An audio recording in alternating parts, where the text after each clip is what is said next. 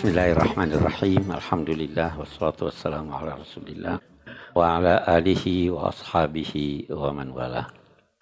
Bapak-bapak, ibu-ibu, saudara-saudara sekalian, Assalamualaikum warahmatullahi wabarakatuh. Alhamdulillah kita bisa bertemu. Uh, tema kita malam ini adalah kelanjutan dari eh, uraian tentang rukun iman. Kita sudah bicara apa makna percaya pada Allah, iman billah. Kita sudah bicara soal iman kepada malaikat, apa itu malaikat, eh, eh, apa eh, eh, dampak dari kepercayaan pada malaikat Nah, malam ini kita akan berbicara tentang iman kepada kitab-kitab. Uh, ini ada kitab, namanya pun Alkitab. Percaya ndak ini? Satu pertanyaan. Percaya ndak bahwa ini kitab? Percaya. Saya tahu ini kitab, saya percaya bahwa ini kitab uh, tidak beda pendapat kita. Kalau kita ditunjukkan suatu eh, kumpulan lembaran-lembaran kertas atau semacam kertas, kita tidak beda pendapat bahwa itu dinamai kitab. Ya kan? Nah, karena itu ketika kita atau Islam menyatakan syarat keimanan adalah percaya pada Alkitab atau kitab-kitab Allah, itu bukan berarti percaya kepada kitab apa pun, satu, tidak juga berarti bahwa percaya pada kitab kitab-kitab tertentu yang dinyatakan bahwa itu firman Allah tidak juga berarti bahwa pernyataan itu harus kita akui kebenarannya. Kita lihat lagi sekarang. Ini Alkitab. Di sini ada apa yang dinamai Taurat, Injil, dan Zabur. Ya kan ada di sini. Percaya ini kitab Taurat, Injil, dan Zabur? Pertanyaan sekarang. Namanya Taurat, Injil, Zabur. Diklaim bahwa ini sementara orang, sementara, saya tidak akan berkata semuanya, diklaim bahwa ini firman-firman Allah. Percaya ndak? Mulai kita di persoalan itu kan? Oke. Okay kita lihat. Uh, ketika Allah menyatakan bahwa Allah menganugerahkan kepada Nabi Musa Taurat. Itu di Quran ada. Allah menganugerahkan kepada Nabi Isa Injil. Menganugerahkan kepada Nabi Daud Zabur menganugerahkan kepada Nabi Muhammad Al-Quran, pernyataan ini harus kita percaya. Tetapi begitu kita disodorkan suatu ucapan, suatu buku, dan orang mengatakan ini firman Allah, kita berkata tunggu dulu. Tunggu dulu. Kita mau lihat apa isinya. Ya kan harus begitu. Jadi jangan jangan serta merta berkata oh ini ini benar. Kita harus lihat apa isinya. Nah, kita sekarang eh lebih jauh melihat Allah menganugerahkan kepada nabi-nabi itu kitab-kitab yang kita sebut namanya tadi. Bagus. Kalau saya berkata Allah atau siapa pun yang percaya pada Tuhan berkata Tuhan, maka dia pasti harus juga percaya bahwa semua firmannya benar. Ya kan? Kalaupun ada firmannya yang ternyata bertentangan dengan kenyataan atau sejarah, maka ketika itu saya berkata ini tidak mungkin firman Allah. Ya kan harus begitu. Karena apa? Konsekuensi dari keyakinan kita bahwa Tuhan itu maha mengetahui. Itu aksioma, itu sesuatu yang tidak bisa diingkari oleh siapa pun, muslim atau non-muslim. Nanti kita akan lihat di sini bagaimana pendapat orang-orang yang mengagungkan dan menganggap ini kitab suci. Kita akan lihat bagaimana mereka punya pendapat. Nah, saya melangkah lagi.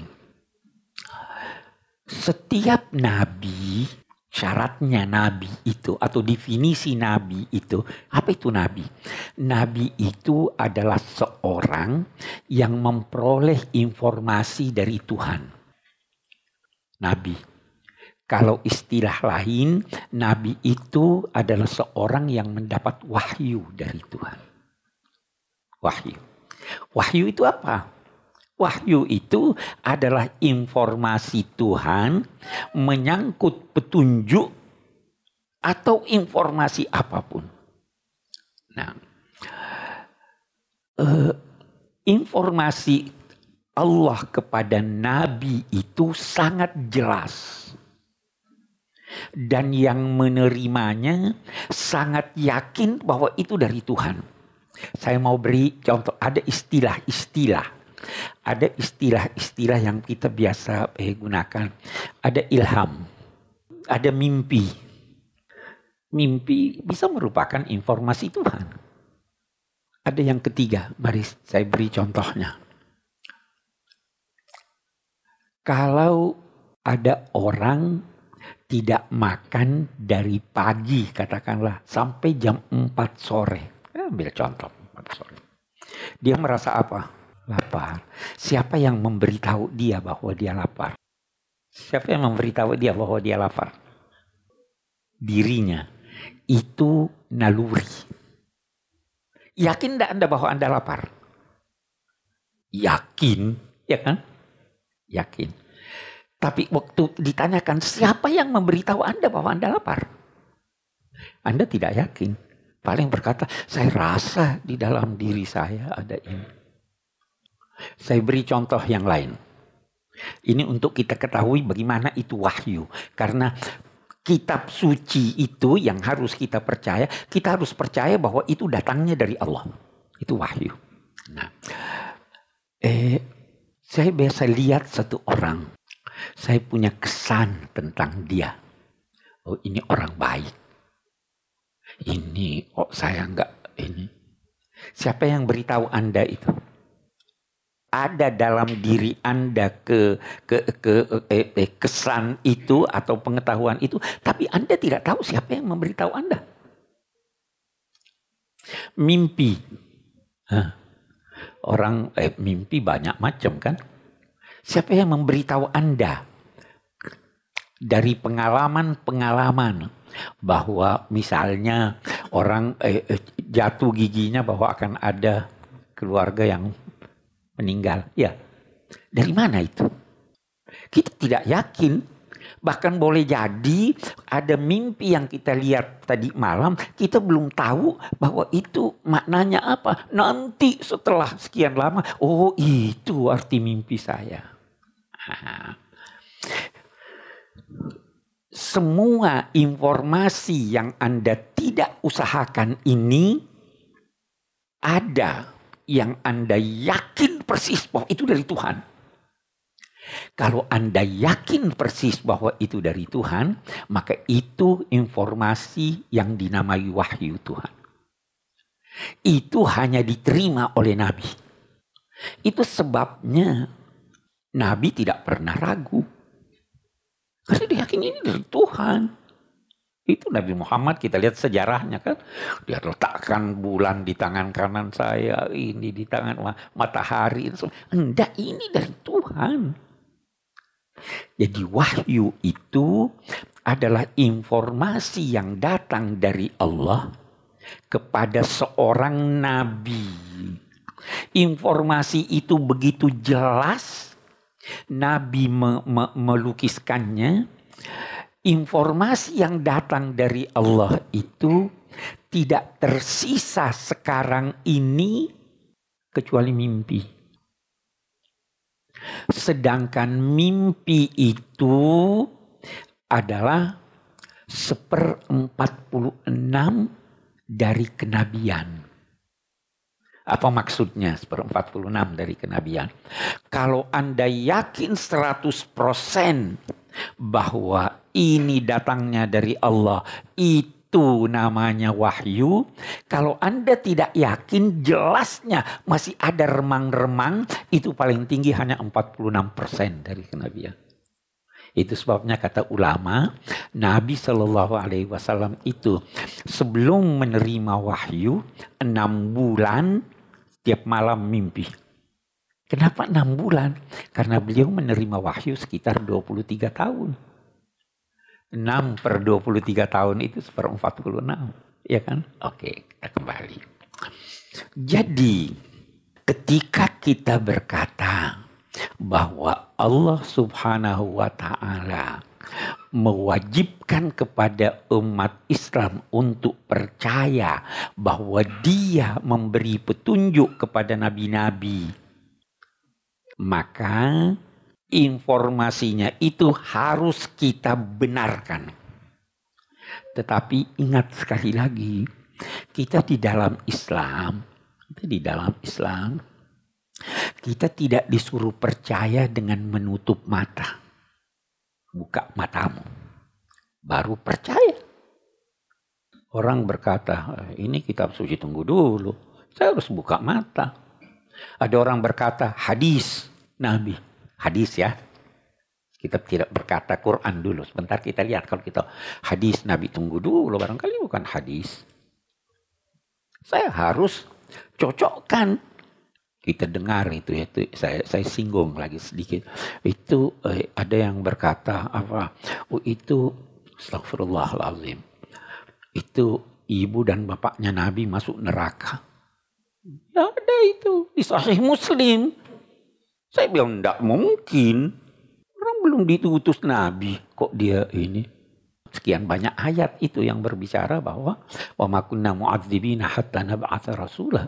Kami tidak akan menyiksa seseorang sebelum kami mengutus nabi. Bagaimana ibunya meninggal sebelum ada rasul, bapaknya meninggal sebelum ada rasul? Kita katakan, "Dah, ini tidak sahih." Ya kan?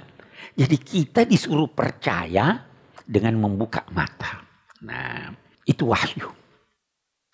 Itu arti percaya pada kitab suci. Nah, kita eh maju selangkah lagi. Nabi, siapa pun nabi itu menerima wahyu. Tetapi ada wahyu yang disuruh tulis. Ada wahyu yang tidak disuruh tulis.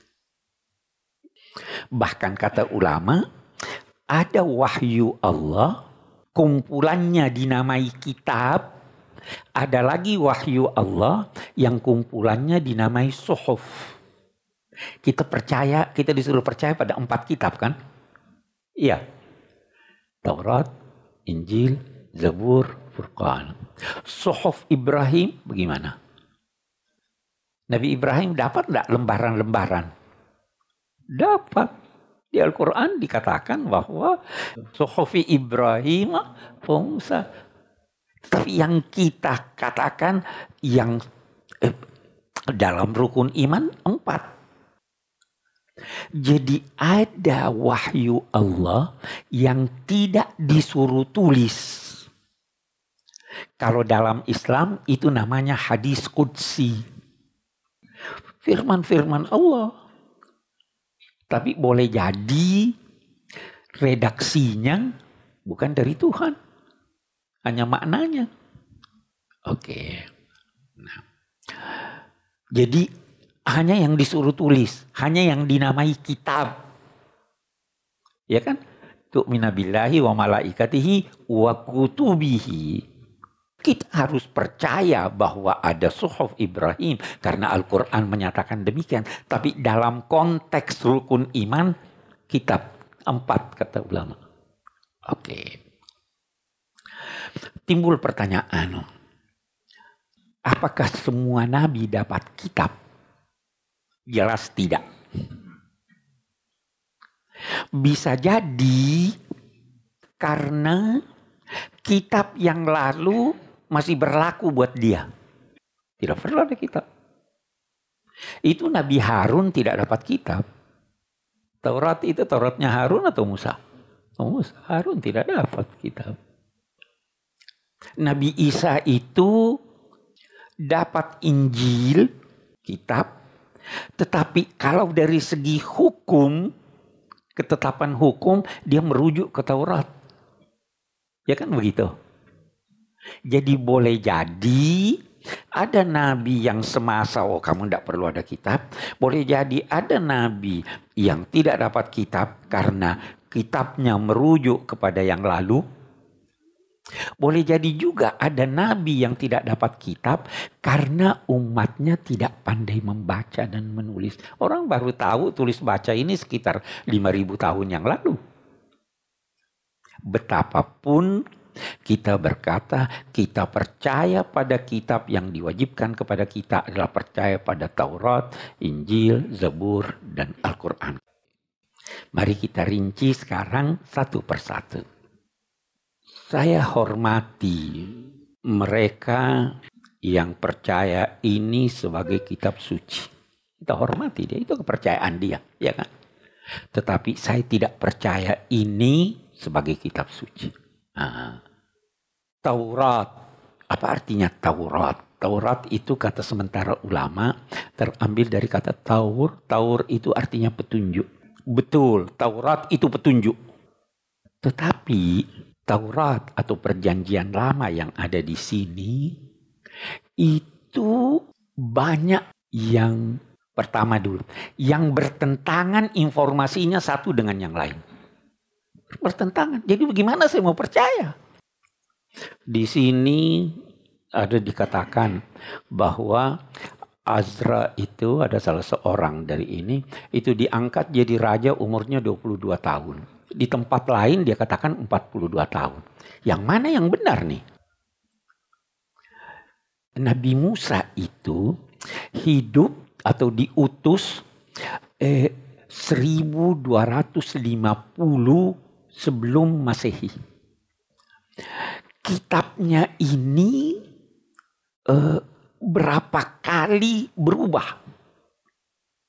Orang-orang Yahudi dikejar-kejar, dihancurkan di ini. Jadi ditulis, ditulis buku-bukunya itu dan inilah hasil terakhirnya.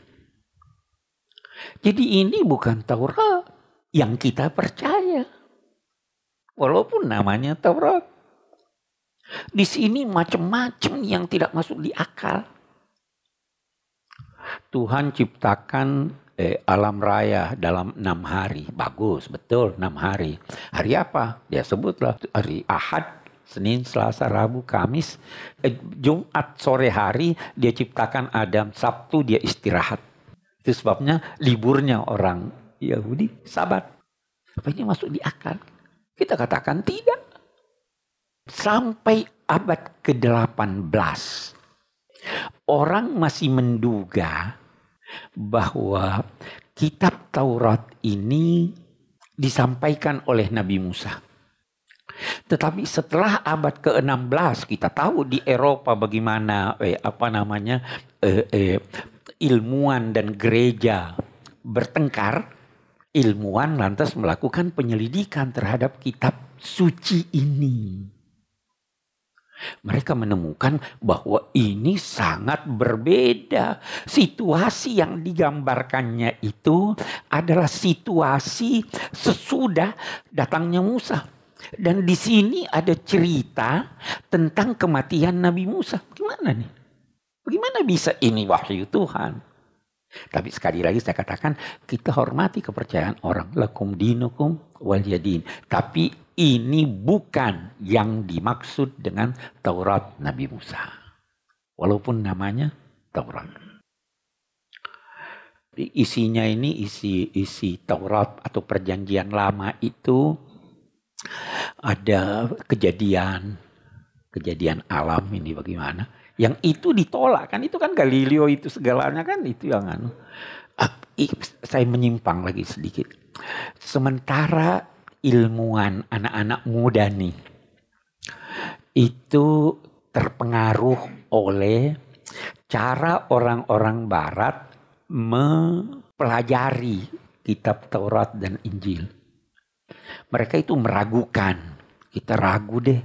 Kita selidiki deh. Kita ini deh Lantas itu mereka mau terapkan ke Al-Quran. Objeknya lain. Lahirlah sekarang itu apa yang mereka namakan hermeneutika. Itu mereka ragu, wajar ragu. Saya eh, kalau ketemu dengan mahasiswa-mahasiswa waktu mengajar, saya katakan begini. Eh, eh, dulu juga Allah yarham Nur Khalis, saya juga pernah berkata begitu sama Allah yarham, saya punya sahabat itu. Saya katakan kita itu kita mencari. Kita mencari kalau kita belum menemukan.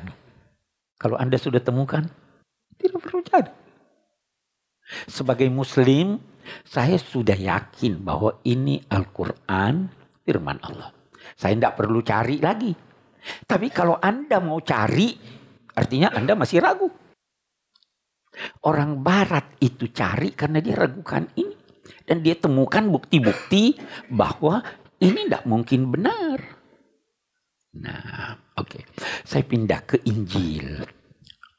Injil itu diartikan sebagai oh sebelum Injil Zabur dulu Zabur Zabur Zabur itu kalau merujuk ke sumber-sumber barat atau Nasrani itu Zabur diartikan nyanyian.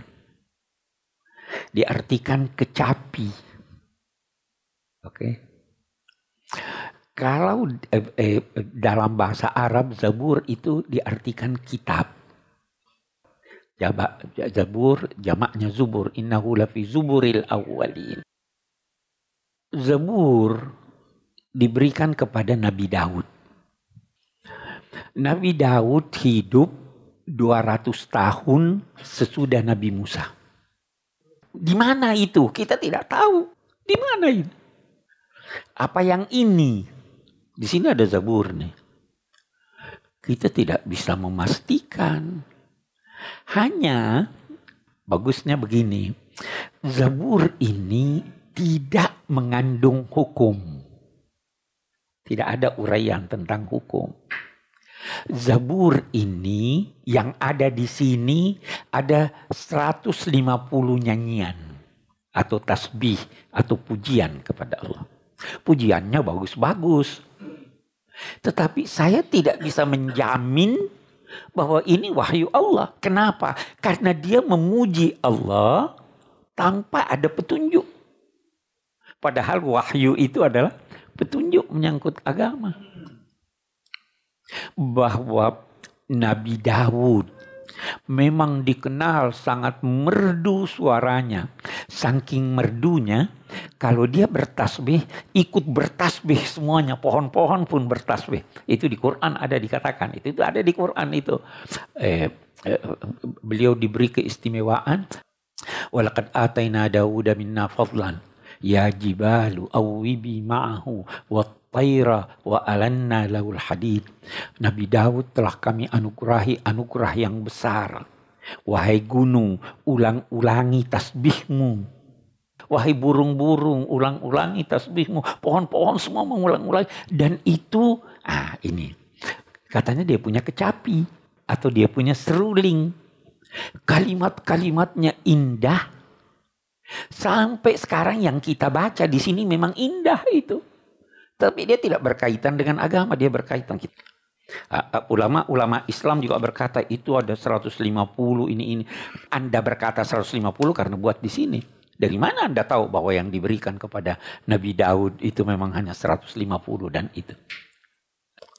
Jadi sekali lagi kita eh, percaya bahwa Nabi Daud diberi wahyu dan diberi kitab, tetapi yang ini, wallahu alam.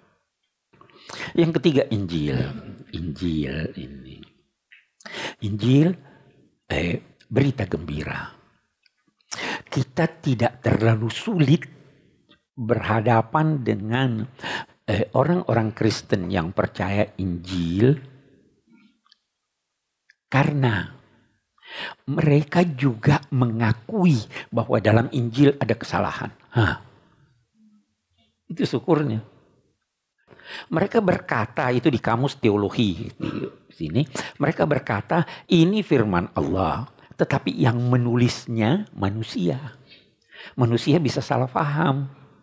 Sehingga ada kesalahan dalam waktu, dalam tanggal, dalam ini kita. Oke. Yang kedua, mereka juga tidak berkata bahwa ini firman Tuhan. Ini sejarah hidup Yesus Kristus sejarah hidupnya.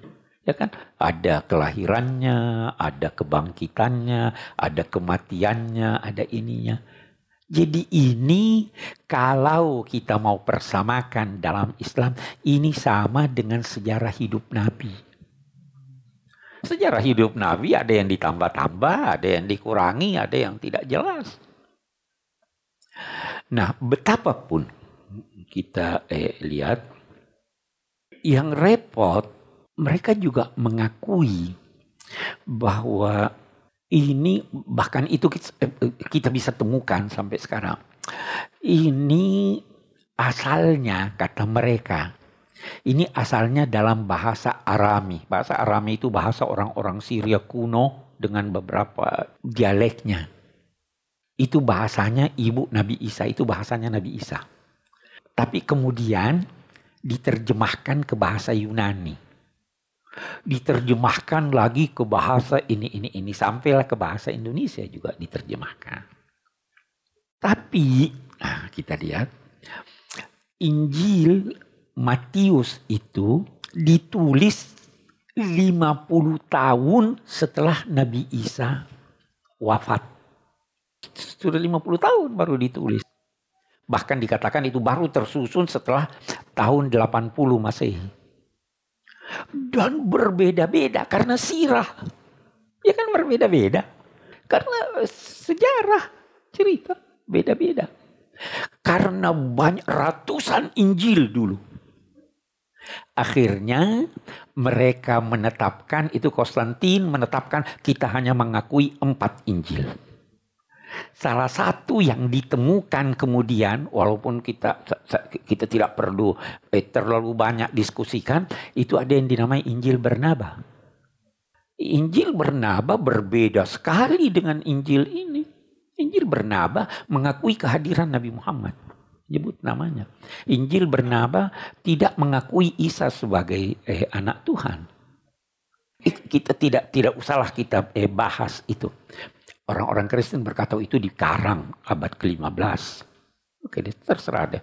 Karena eh, dalam Injil Bernaba juga ada perbedaan dengan Al-Quran. Itu di Injil Bernaba dia katakan Al-Masih itu bukan Yesus. Al-Masih itu Nabi Muhammad. Nah, itu kan bertentangan juga dengan Al-Quran. Oke deh. Jadi yang jelas ketika kita berkata bahwa kita harus percaya pada kitab kitab yang diturunkan Allah. Kita percaya bahwa Allah telah memberi wahyu kepada nabi-nabi dan sebagian nabi-nabi itu diberinya kitab suci yang merupakan wahyu-wahyu Allah. Tapi di mana ketiganya tidak ada lagi. Kita tidak tahu. Bahwa di sini, di sini bisa jadi ada kebenaran kita tidak tolak. Saya mau beri contoh, saya mau beri contoh. Contohnya ekstrim. Pembohong itu, pembohong itu. Bisa benar ucapannya atau tidak? Sekali-sekali bisa benar. Orang yang bodoh itu semua eh, eh, uraiannya pasti salah. Ada saja yang benar. Nah, karena itu Nabi, coba lihat Nabi memberi petunjuk. La tusaddiqu ahlal kitab wa tukadzibuhum. Jangan percaya ahlul kitab, tapi jangan juga berkata kamu bohong. Jadikan tolok ukurmu Al-Quran. Kalau sesuai dengan Al-Quran, terima. Kalau tidak sesuai, tolak. Di sini ada ulama-ulama yang merujuk kemari. Tapi kita kita katakan tunggu dulu. Anda merujuk kemari, itu rujukannya untuk menguatkan atau sekedar untuk memberi perbandingan. Ya, bisa saja. Tapi kalau sudah bertentangan, saya tolak. Isa disalib? Tidak. Isa dibunuh? Tidak. Nah, itu arti percaya pada empat ini.